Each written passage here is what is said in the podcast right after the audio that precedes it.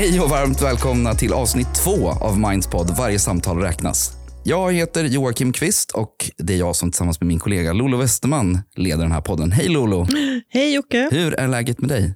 Läget är bra idag för att vi har en sån spännande gäst som jag är så nyfiken på. Verkligen. Vem är det som kommer gästa? Det är Barbro Westerholm, faktiskt en ikon för oss i många olika frågor, men framförallt nu inom våran, våra frågor om ålderism som vi arbetar med. Just det, för att i dagens avsnitt så ska vi fokusera just på eh, ja, men äldre och äldres psykiska hälsa och ålderism. Eh, och vi ska prata då med, med Barbro om det här lite senare. Vi har ju även en till gäst med oss här idag och det är en, också en kollega till oss som heter Johanna. Hej Johanna! Hej, Hur mår du? jag mår fint. Ja, så kul att du är med idag också. Ja, tack. Eh, kan inte du berätta lite grann eh, vem du är? Vad gör du här på Mind? Och, Ja. Absolut. Jo, Johanna Nordin heter jag. Jag är på Mind sedan 2015 och har jobbat med stödlinjerna eh, under fem år. Så att jag har eh, haft många samtal med volontärer och eh, också på det sättet också hört många röster ur våra stödlinjer. Föräldralinjen, äldrelinjen och självmordslinjen. Då. Eh, så att, ja, det finns många röster eh, om hur det är att vara människa i livet i mitt huvud. Jag är också sjuksköterska från början och jobbat i 30 år inom vården och det också, ligger mig väldigt varmt om hjärtat och de här frågorna eh, tangerar ju varandra idag så det känns så kul att få liksom, sammanföra de här två världarna lite grann. Det är väl målet för mig. Projektet som vi driver nu, det är ett tvåårigt projekt som är finansierat av Postkodlotteriet. Eh, Det heter Psykiskt välbefinnande oavsett generation och det handlar om psykiskt välbefinnande, det vill säga alla, allas rättighet till att eh, ha det så bra som möjligt, även psykiskt, eh, under hela livet och att inte det får sluta plötsligt när man blir 65. För att det är ju så att på något sätt så finns det någon slags förut, förutfattad mening om att när man blir äldre så blir man lite deppig och det blir lite tråkigare, det blir lite svårare, livet blir lite, ja, lite fattigare.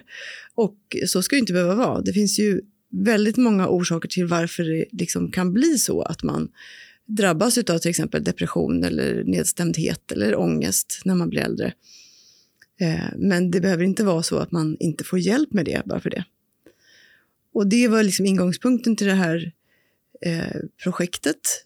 Eh, så vi började med att titta lite grann på vad är det, hur det ser ut. Alltså vi har gjort en kunskapsöversikt och tittat på liksom prevalensen eller förekomsten av psykisk ohälsa bland äldre och också tittat specifikt på ensamhet. Ehm, och så har vi jobbat vidare med det.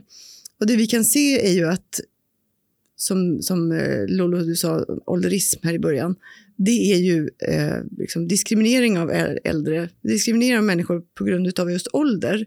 Det är någonting som påverkar väldigt mycket av hur vi organiserar samhället kring äldrefrågor, hur vi organiserar vård och omsorg.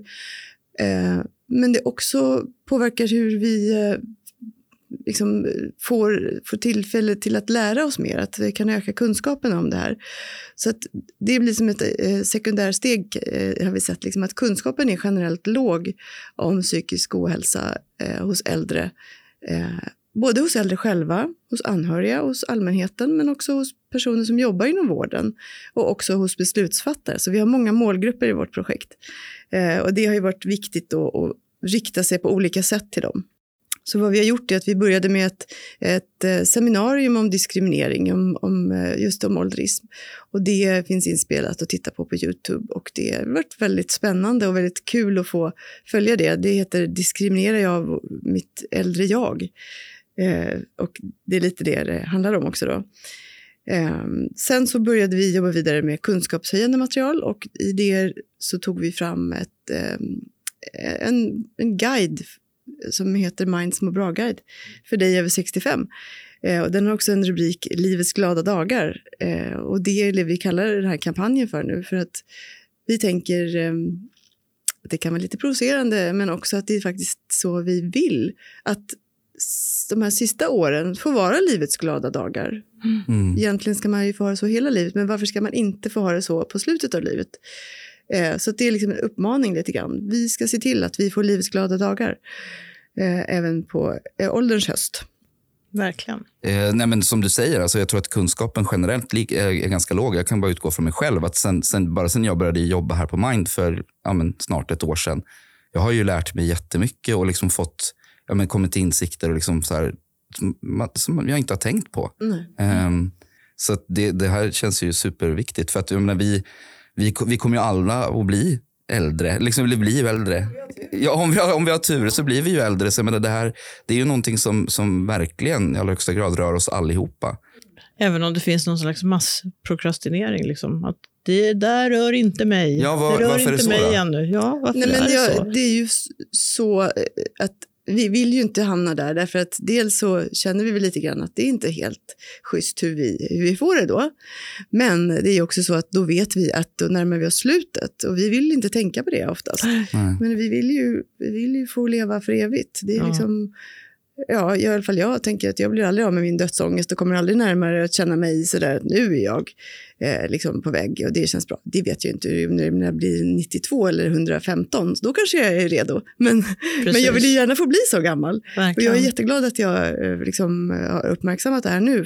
Och jag ser som min mamma till exempel en inspirationskälla när det gäller att vara, gå från att känna sig deppig och låg till att så här, åh vad rosorna blommar nu, ser du vad vackert det är här och fantastiskt och jag tycker det är så fint med det här, verkligen så. Och, eh, men, våra, Förmåga att njuta. Förmåga att liksom njuta och förundras över tillvaron, det är liksom fint.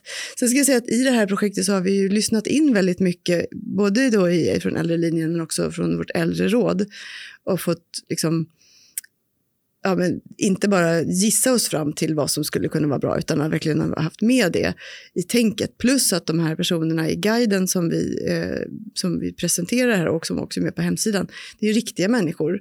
De har vi levt med i ett halvår och jag älskar att få lyssna på de här Ja. människorna. De är riktiga och de, de beskriver precis hur det kan kännas och hur det, hur det är. Och gör det mer liksom, igenkännbart och mer normaliserat och det är liksom målet. Vi kanske också ska säga då att guiden finns tillgänglig på Apotek Hjärtat. Och sen kan man också ladda ner och beställa den från vår hemsida. Mm, och lyssna på den också. Mm, den finns inläst och som pdf. Och, Alla har möjlighet att ta till sig den här guiden.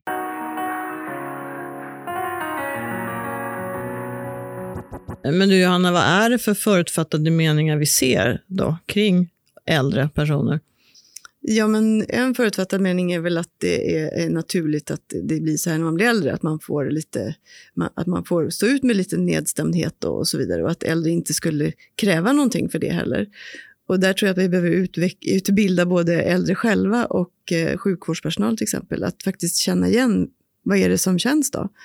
För annars är det så lätt att man tänker att nej men, jag läste någonting idag också om, om det här med ätstörningar till exempel bland äldre. Att man tänker att nej men det där drabbar inte äldre. Ja men det gör det ju. Det finns ju i hela livet och det är likadant med alla eh, liksom, de här psykiska problemen som vi pratar om, om depression eller ångest och så. Det kan lika gärna komma fast det aldrig har funnits med tidigare i livet. Men det kan också ha funnits hela livet och så blommar det ut eller hur det kan vara. Exakt, obehandlat. Ja, obehandlat.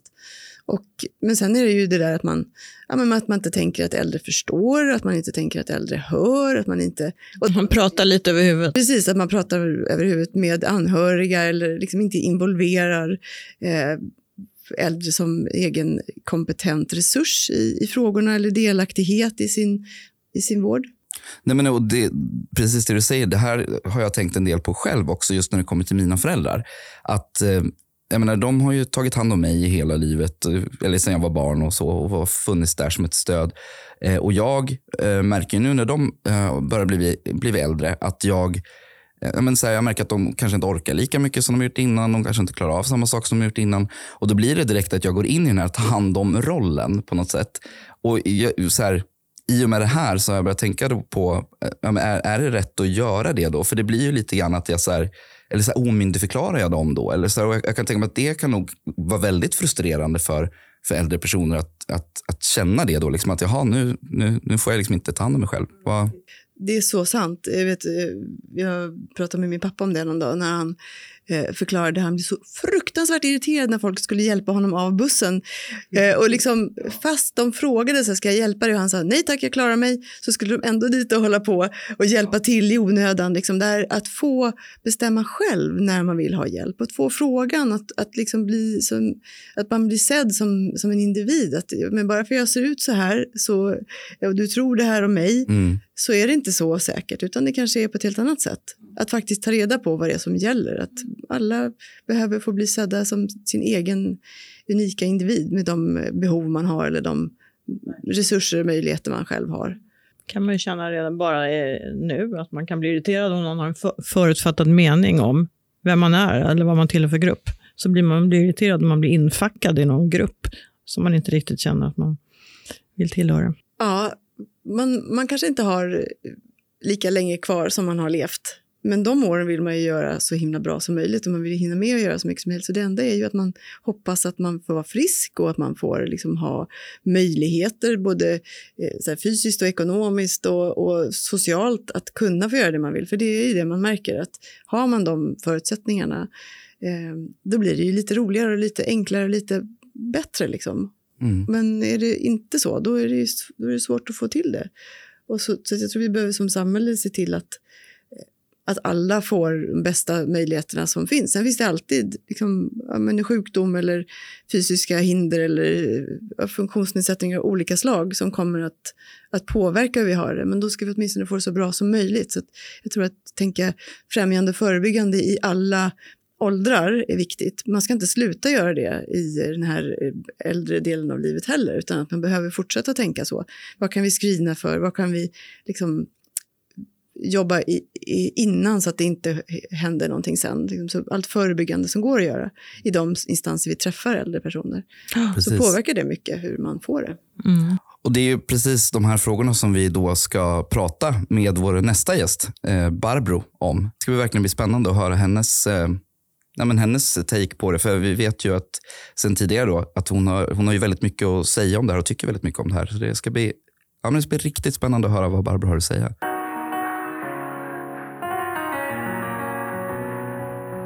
Vad kul Barbro att du är här idag. Vi har ju bjudit hit dig för att vi ska prata om eh, ja, det här med åldersfrågor, ålderism och det som du brukar kalla för årsrika. Men jag tänker för de som inte är bekanta med dig, hur skulle du vilja presentera dig själv? Ja, jag är 88 år, så jag är årsrik. Jag använder det ordet eh, som synonym till gammal och äldre för att beteckna att vi som har kommit så här långt i livet, vi är rika på levda år, kunskap och livserfarenhet.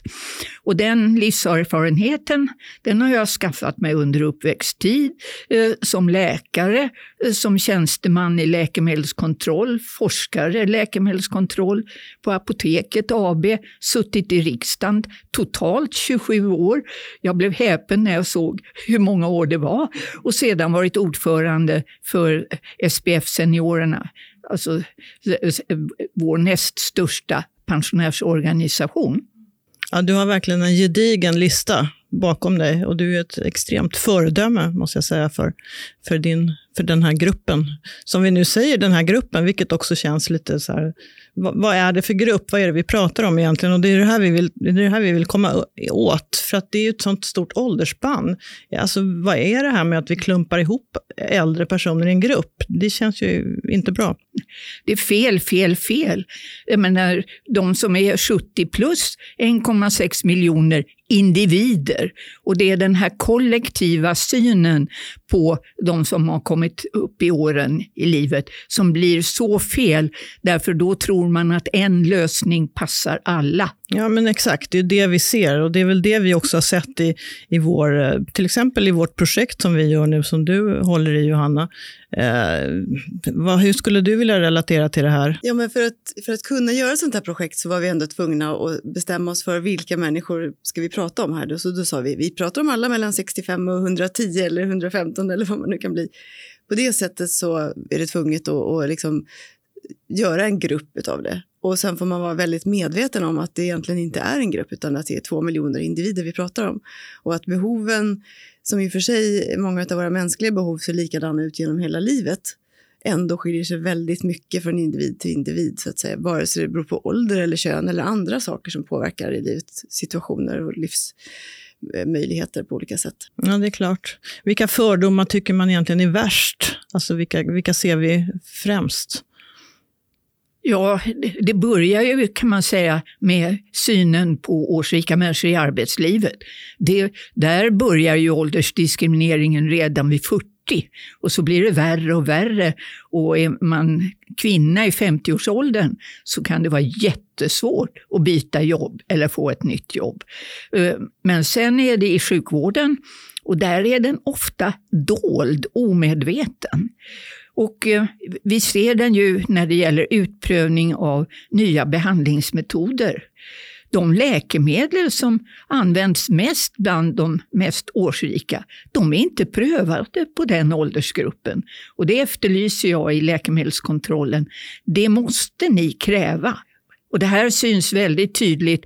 Ta medel mot eh, depression, ångest, eh, de psykiska besvären att man uppenbarligen skriver man ut dem för symptom, men man tar inte reda på vad patientens besvär beror på. Mm. Du botar inte ensamhet, eh, isolering med läkemedel i första hand, utan du botar det med sociala nätverk. Nej men precis så, jag menar, det är vanligt att man drabbas av nu pratar vi mest om de psykiska besvären man har, men, men det gäller ju egentligen all all, eh, all sjukdom och alla problem som, som drabbar en när man blir äldre. Det är klart att det finns mera eh, risker därför att man, man utsätts för förluster av olika slag. Man förlorar sitt, eh, sin identitet lite grann när man slutar jobba. Det är en risk för att man ska må sämre. Man förlorar eh, säkert nära anhöriga. Man förlorar i hälsa av olika anledningar. Att man kan få svårare att gå eller sjukdomar på olika sätt. Så det finns många olika orsaker till. Men sen plötsligt så är det liksom inte lika intressant att eh, ge rätt vård. Och precis som du säger, att man provar ut vård och behandling utefter en en eh, 70 kilos man, det har man gjort många, många år, som är i medelåldern och sen så är det liksom väldigt svårt att anpassa det efter äldre personer.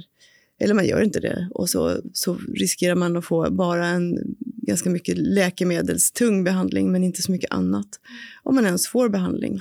Och när vi pratade just det här om, om risk, eh, risker för, eh, för eh, dåligt psykiskt mående så kommer det här med ensamheten in också som en, en, stor faktor. Och det är också någonting som ingår i det här projektet som vi gör nu, Johanna, där vi har en del som heter ensamhetsuppropet. Ja, men du kan väl berätta lite om, om det? Nej, men eh, det finns ju ingen som kan säga om, om liksom depression leder till ensamhet eller ensamhet leder till depression. Men det, är ju, det går ju åt båda hållen så att säga. Så därför valde vi att titta lite extra mycket på just ensamhet hos äldre. Eh, det finns också en uppfattning om att äldre är Eh, en del eh, säger äldre är mer ensamma, en del säger nej, äldre är inte alls mer ensamma, unga människor är ensammare. Men vad man kan se är ju ändå att personer i alla fall över 80 lider mer av ensamhet än andra eh, åldersgrupper. Och de är ju också mer ensamma rent fysiskt eftersom de ofta har förlorat en partner i den åldern. Um, så att därför tittade vi extra mycket på det och vad det ger, därför att det, det skapar ju liksom så mycket andra bekymmer. Eh, förutom depression så är det ju liksom risk för fysiska sjukdomar med ensamhet. Det vet man ju redan nu. Så det är ju, ehm, ja, då gjorde vi en, en, ett upprop där vi bad människor eh, samla in, eller berätta sitt, sin egen tanke och sina egna känslor kring ensamhet. Hur känns det för dig? Eh, och fick in eh, ganska mycket olika typer av svar. Mm, men det är ganska tydligt också att det berodde mycket på att man har blivit ensam. Många beskrev eh, hur, hur, man hade levt och sen eh, när man blir ensam rent fysiskt, att det var svårare. De som hade levt med ensamhet hela livet ser på det på ett annat sätt. Så att säga. Ja, det finns ju också den självvalda ensamheten naturligtvis, som inte behöver vara på något sätt skadlig. Ja, men återigen, det här, det här är inte ett kollektiv. Det är individer och som kan uppleva olika händelser i livet på olika sätt det finns ju också de som har levt länge som anhörigvårdare som känner det som en befrielse att nu kunna komma ut i samhället och träffa andra. Och eh, medan andra sörjer djupt då den bortgångne. Men precis på det sättet också att man kan också känna sig väldigt ensam i tvåsamheten. Precis så. Så det var ju meningen med det här uppropet är ju att just bredda bilden och visa på att det kan se så olika ut. För du kan vara väldigt ensam när du är två. Oh ja, det här, jag har ju skrivit ett kapitel om anhörigvårdare för Hjärnfonden och eh, djupdykt i det här. Och just det här, den anhörige som blir ensam, isolerad med sin själs älskade och inte träffar några andra. Och barnen eh, eh, kommer och tittar till ibland, men, men det är väldigt ensamt i långa stycken. Så jag tycker det är jättebra att ni tittar på det här och för fram den kunskapen. För jag tror ju att svensk lagstiftning, nu sätter jag på mig politikermössan, måste, den socialtjänstlagen måste skärpas här i vad årsrika människor har rätt till. Så tänker jag också att det handlar ju så väldigt mycket om individen. Det handlar ju om att vara aktiv och kunna ta sig för och göra saker och orka. Och där handlar det naturligtvis om ens fysiska möjligheter. Det blir också avgörande. Men jag ser på min svärmor till exempel som gick bort nu i påskhelgen. Eh, och hon blev ensam änka för två år sedan. Och hon tog sig inte för någonting alls efter det. Hon bara satt. Hon hade kunnat göra mycket saker. Hon hade barnbarn, hon hade kunnat ta kontakter. Men hon hade inte riktigt förmågan eller kraften. Och då tänker jag att eh, det spelar ju så stor roll vem man är också och att man har liksom aktiviteter för sig. Håller du med om det? Ja, jodå. Och här är det ju bra med pensionärsorganisationerna som eh, ju ordnar väldigt mycket och där man också försöker att ta kontakt om någon har blivit ensam och, och, och, så att den kan återkomma till de promenader eller föreningsmöten och så vidare. Och därför är det ju bra att regeringen har satsat ja, många, många, väldigt många miljoner på att det civila Sverige, så att säga, eh, kan ordna aktiviteter. För det här är ju sånt som politiker inte praktiskt kan ordna, utan det är ju civilsamhället som är bäst på detta, men kan behöva pengar för det du, du sa det där med individen och jag tänker det är så viktigt också. Det finns, kommer alltid finnas individer som har rätt, ganska rätt lätt att ta sig för saker och ting. Och de hamnar inte på samma sätt i den här isoleringen. Men det är ju det som är, liksom, känner jag, vårt ansvar också, att, att lyfta det. Att vi måste som samhälle ta större ansvar för att liksom, kanske skrina för ensamhet i olika insta, instanser, kanske inom vården, inom socialtjänsten, äldreomsorgen eller på andra ställen. Och att det blir väldigt viktigt att samarbeta mellan Eh, Eh, region och kommun och civilsamhälle för att hitta bästa lösningen som passar just den här personen. För det kanske inte är grupp som är det roligaste för alla eller det bästa för alla. En del vill vara eh, tillsammans två och två eller göra någonting aktivt för sig själv men, men, i, men i, inte i en stor grupp till exempel. Så det behövs ju så många olika sätt. Liksom. Men att man inte själv måste vara den som alltid drar, för det blir svårt. Och då behöver man kanske lära ganska många att se hur ensamhet ser ut och när man måste undersöka. Och där tror jag att beslutsfattare låser fast sig vid siffror, eh, eh, procent som är eh, betraktas som ensamma. Och det är klart att de siffrorna är ganska låga om vi gör internationella jämförelser. Men då glömmer man ju bort att bakom de här få procenten, det är individer som far illa och har rätt att i ett välfärdssamhälle få möjlighet till att ändra sin situation. Jag tycker det är intressant där när man tänker på att man ska ta tillvara på äldres möjligheter, för det pratar vi mycket om också. Det finns ju olika sätt man kan göra det. Där vet jag att du också varit inne på några olika, ja men till exempel det här med mentorer. Mm. Att äldre kan fungera som mentorer åt yngre på arbetsplatser eller? Ja, verkligen. Och eh, här borde staten faktiskt gå före. Eh, när vi i en utredning som Senior arbetskraft gjorde och som kom hösten eh, då 2020 eh, visade att staten är den som klipper hårdast så att människor pensioneras ut från arbetslivet kan man säga. Och där borde staten gå före och just skapa sådana här mentorprogram inom sin verksamhet. Till min förvåning så eh, såg det faktiskt ut av de siffror vi såg att näringslivet var bättre på att ta tillvara den årsrika arbetskraften på grund av dess kompetens. Mm. I den akademiska världen så är det, där är staten verkligen hård.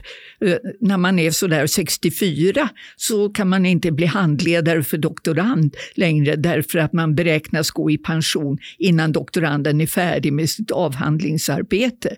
Men de här akademikernas hjärnor de, eh, de tar ju inte slut vid 68 eller 69 års ålder.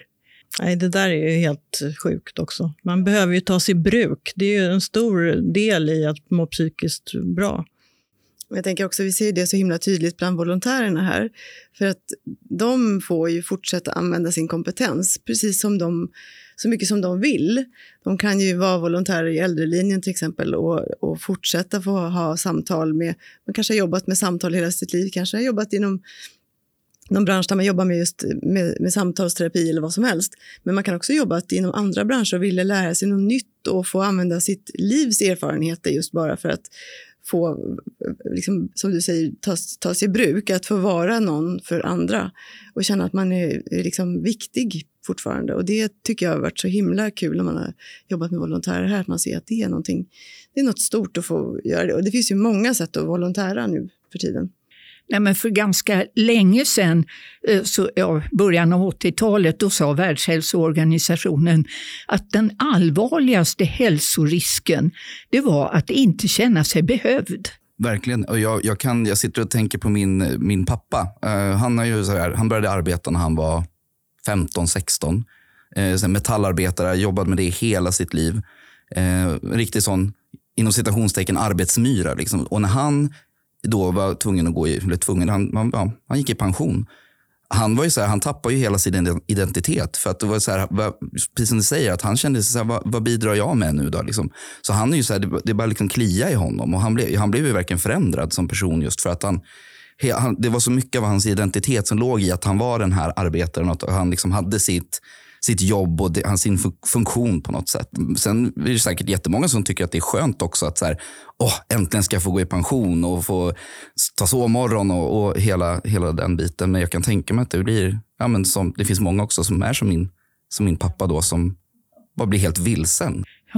Jo, jag kan berätta om min pappa som var i samma eh, försäkringsbolag från det han eh, fyllde 17 till det han var 72. Eh, ja. Och då blev det pest och pina. Men då kom han på, för då gick ju inkomsterna ner, att han handlade åt familjen, gick runt och såg var var det billigaste, billigaste potatisen, kaffet och så vidare. Och då kände han att han var behövd igen. Precis. Han hade en uppgift. Ja. Mm. Ja, och så har, det ju, så har det ju också blivit för min pappa nu då efter, han gick i pension för kanske, ja vad är det, gud, ska jag räkna, men vad kan det vara, sex, sju år sedan? Något sånt där. Eh, och nu har vi ju, det har ju tillkommit en del barnbarn och sådär, så det, han engagerar sig väldigt mycket i dem då. Liksom, och så där. Så det, jag tror att det är bättre nu, men precis då, då var det, liksom, då var det livskris. Men jag tänker att de här personerna som har kreativa yrken, där man inte har den här åldersgränsen på samma sätt, eh, att man kan, vore intressant att titta på hur mår man i de åldersgrupperna när man blir äldre? Tacklar man åldrandet bättre? Man Bara kanske man... glider in i ett åldrande då som får vara lite mer i ens egen takt.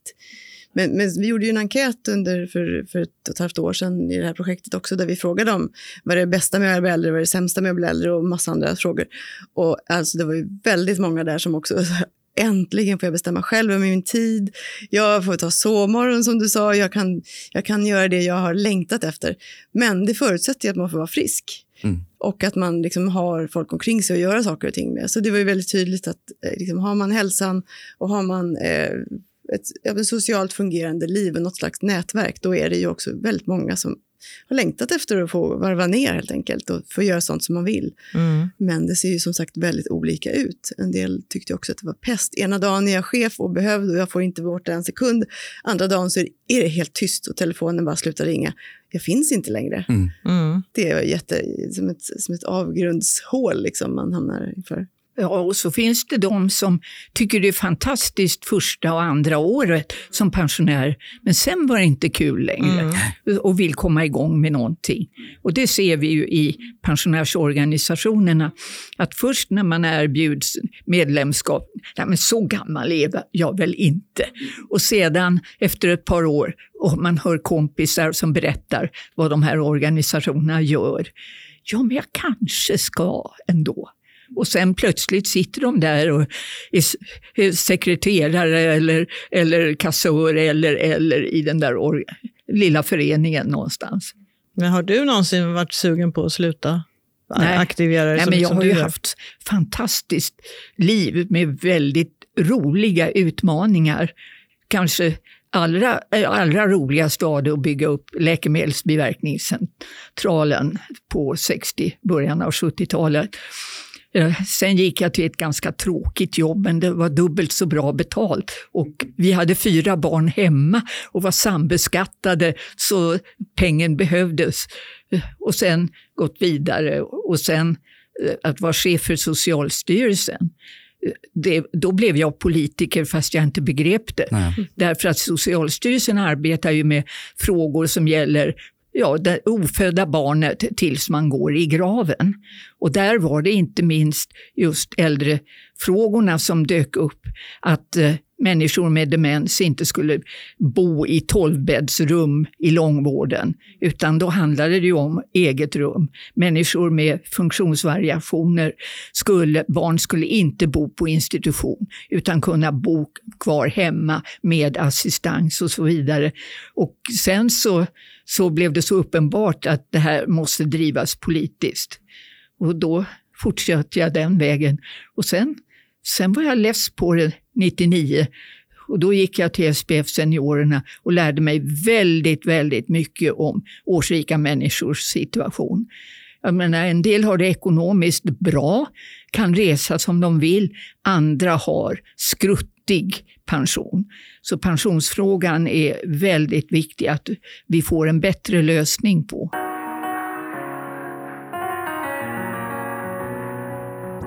Men om man ska titta lite framåt så här positivt, vad kan man se att man skulle kunna göra? Vad, vad tycker du att man ska inspirera eh, årsrika personer att göra för att bli mer, eh, ja, skapa mer meningsfullhet i sin vardag? Ja, det är återigen en fråga som får väldigt olika svar, där jag ju ser pensionärsorganisationerna som en väldigt, väldigt viktig resurs. Men det är ju hälften av våra årsrika som inte är medlemmar där och hur man hittar dem. Alltså jag, eh, Världshälsoorganisationen har ett väldigt program, bra program för att bekämpa ålderismen, åldersdiskrimineringen. Och det börjar med eh, generationsmöten. Att man, det här som Ingmar Skog hade ett tv-program i höstas, fyraåringar som fick träffa eh, årsrika människor i äldreboendena det här att börja där och sedan redan i skolan på alla skolstadier ha med eh, alltså diskussioner kring det här, möten mellan unga människor och årsrika människor. Därför att då kan man få in en bild av hur årsrika människor är. Det kan, en del har mor och farföräldrar men alla kanske inte möter dem, inte har dem heller. Men att börja där för att förändra bilden av eh, årsrika personer. Sen är det vi själva att vi ska vara roliga när vi möter yngre eh, generationer. Inte säga att jag är bara pensionär, utan jag gör det och det och det och detta. Och det här är jag intresserad av. Vet du något om de frågorna? Så. Och jag har en minnesbild av Astrid Lindgren som fanns på samma fritidsö som vi. Eh, hur hon i 80-årsåldern gick ut med en svans barn bakom sig mitt i natten med ficklampa och var sakletare. Ja. Och det här var ju urspännande för de barna. Och tryggt eftersom hon visste precis var man skulle gå för att inte fara illa. Och jag tror att de barna har en bild av hur roligt det måste vara att vara i 80-årsåldern. Alla orkar inte detta, men vi har, tycker jag, ett ansvar i den här att inte säga när barnbarn kommer på besök, akta det, akta det, akta det, utan lek. Mm. Och går någonting sönder så är det ingen riksolycka. Om hundra år är det ingen människa som bryr sig om den där grejen som gick sönder. Exakt, det tycker jag är ett bra, det är ett bra medskick. Ta vara på era möjliga inneboende resurser och eh, öppna, öppna upp, var öppna. Har du någonting du vill tillägga, Nej, jag tänker eh, som sagt att alla inte har den där svansen med barnbarn eller en mormor att gå till. Eh, så, så, får man försöka låna varandras kanske. Eller, jag tänker att vi, sen jag började med det här så jag, jag ser alla i ögonen, eh, alla äldre som jag möter och säger hej. Och bara en sån sak är ju också så här, tänk, det finns ju äldre människor överallt.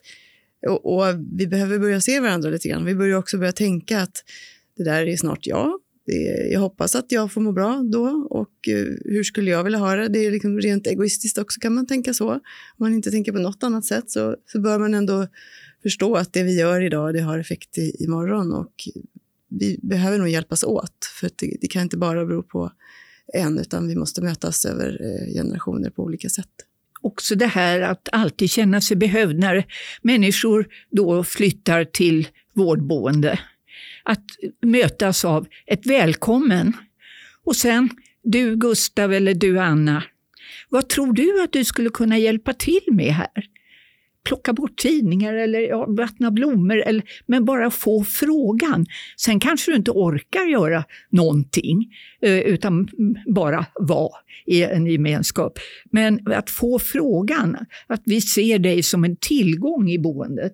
Vad är du mest stolt över att du har åstadkommit så här långt? Jag tror att det jag är stoltast över det är att vid motgångar inte tappa sugen. Utan försöka få de frågor i mål som jag förutsatt mig få i mål. Eh, jag menar, vi fick ett individbaserat receptregister för att öka säkerheten i läkemedelsbehandlingen. Det började jag med 69 och fick i mål 2005. Sen, sen är det partnerskap för hbtqi-personer Bort med sjukdomsbegreppet eh, fick då till den här breda lagen mot åldersdiskriminering 2013. Eh, assisterad befruktning för ensamstående kvinnor 2016. det började jag med 92. Så, men sen att välja mellan de här olika frågorna, det har gällt olika människor. Mm. Det som jag sliter med nu, det är ju kampen mot ålderismen. För att få fart på den kampen.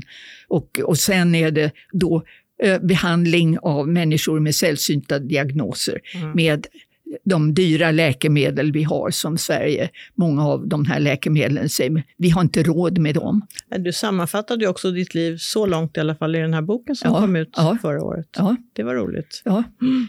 Jo, det var roligt och det innebär att hon som skrev boken, Ingrid Kinne Lindgren, hon och jag vi jobbar nu med en bok om just ålderismen och kampen mot uh, åldersdiskrimineringen.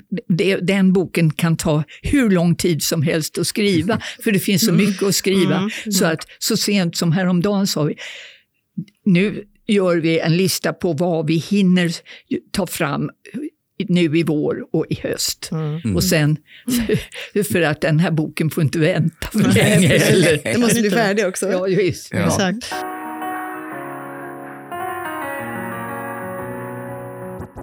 Ja, wow. Det är ju en gedigen meritlista som Barbro sitter på. Alltså. Verkligen. Eh, som jag sa, hon är ju en inspirationskälla. Och sen kan, har ju inte alla naturligtvis de förmågorna som hon har, men man ser vad mycket det gör också med en person som är så aktiv. Vad det gör i eh, ja, men engagemang, intresse och allting, hur mycket det spelar roll tror jag, för hur man har det när man också blir en äldre person, eller årsrik, som om vi ska använda hennes ord. Ja, men jag tycker det är jättespännande att få sitta ner med henne och prata om de här sakerna. Ja. Få höra hennes egna ord kring vad hon är mest stolt över och, och verkligen ta in allt hon har lyckats åstadkomma. Det är ju mäktigt. Verkligen. Och hon kommer vara en, eh, liksom, så här, springa före ett tag till tror jag när det gäller ålderism. Så där får vi liksom ta rygg på henne och se att här kan vi eh, följa med och få, få draghjälp. Absolut. Jag tycker också det är så spännande att se hur hon verkligen har förflyttat sig utefter hur hon själv har förflyttat sig i livet i sina olika faser. Så har hon också engagerat sig i olika frågor som har att göra med de frågorna, eller de faserna. Mm. Vilket gör att hon nu då med sin årsrika tillvaro verkligen brinner för de frågorna. Ja, och vi ska ju säga ett stort tack till dig också Johanna för att du ville vara med här och gästa vår podd idag. Tack så mycket för att jag fick komma. Det var jättekul att få höra mer om det här arbetet som du och vi faktiskt gör här på Mind. Och såklart så vill vi också säga tack så jättemycket till dig som har lyssnat på podden. Och om du vill följa oss på sociala medier så eh, heter vi Mind Sverige på Instagram och eh, Mind då på Facebook. Och eh, om det skulle vara så att ni funderar något till, har några funderingar kring podden eller om ni har några åsikter, tankar eller frågor eller om det är något ämne ni tycker att vi borde ta upp längre fram så kan ni mejla till oss på info.mind.se så eh, kan, får vi se om det är någonting som vi kanske kan prata om längre fram, eller hur Lolo? Verkligen. Och en, en liten tips, sprid gärna podden till era egna årsrika personer om ni har några i närheten som ni känner skulle må bra av att lyssna på det här. Precis, och glöm inte att kolla in på mind.se också eh, och kampanjen som pågår just nu, i Livets glada dagar. Tack så mycket hörni, ha det fint så hörs vi nästa gång. Hej då! Hej hej! hej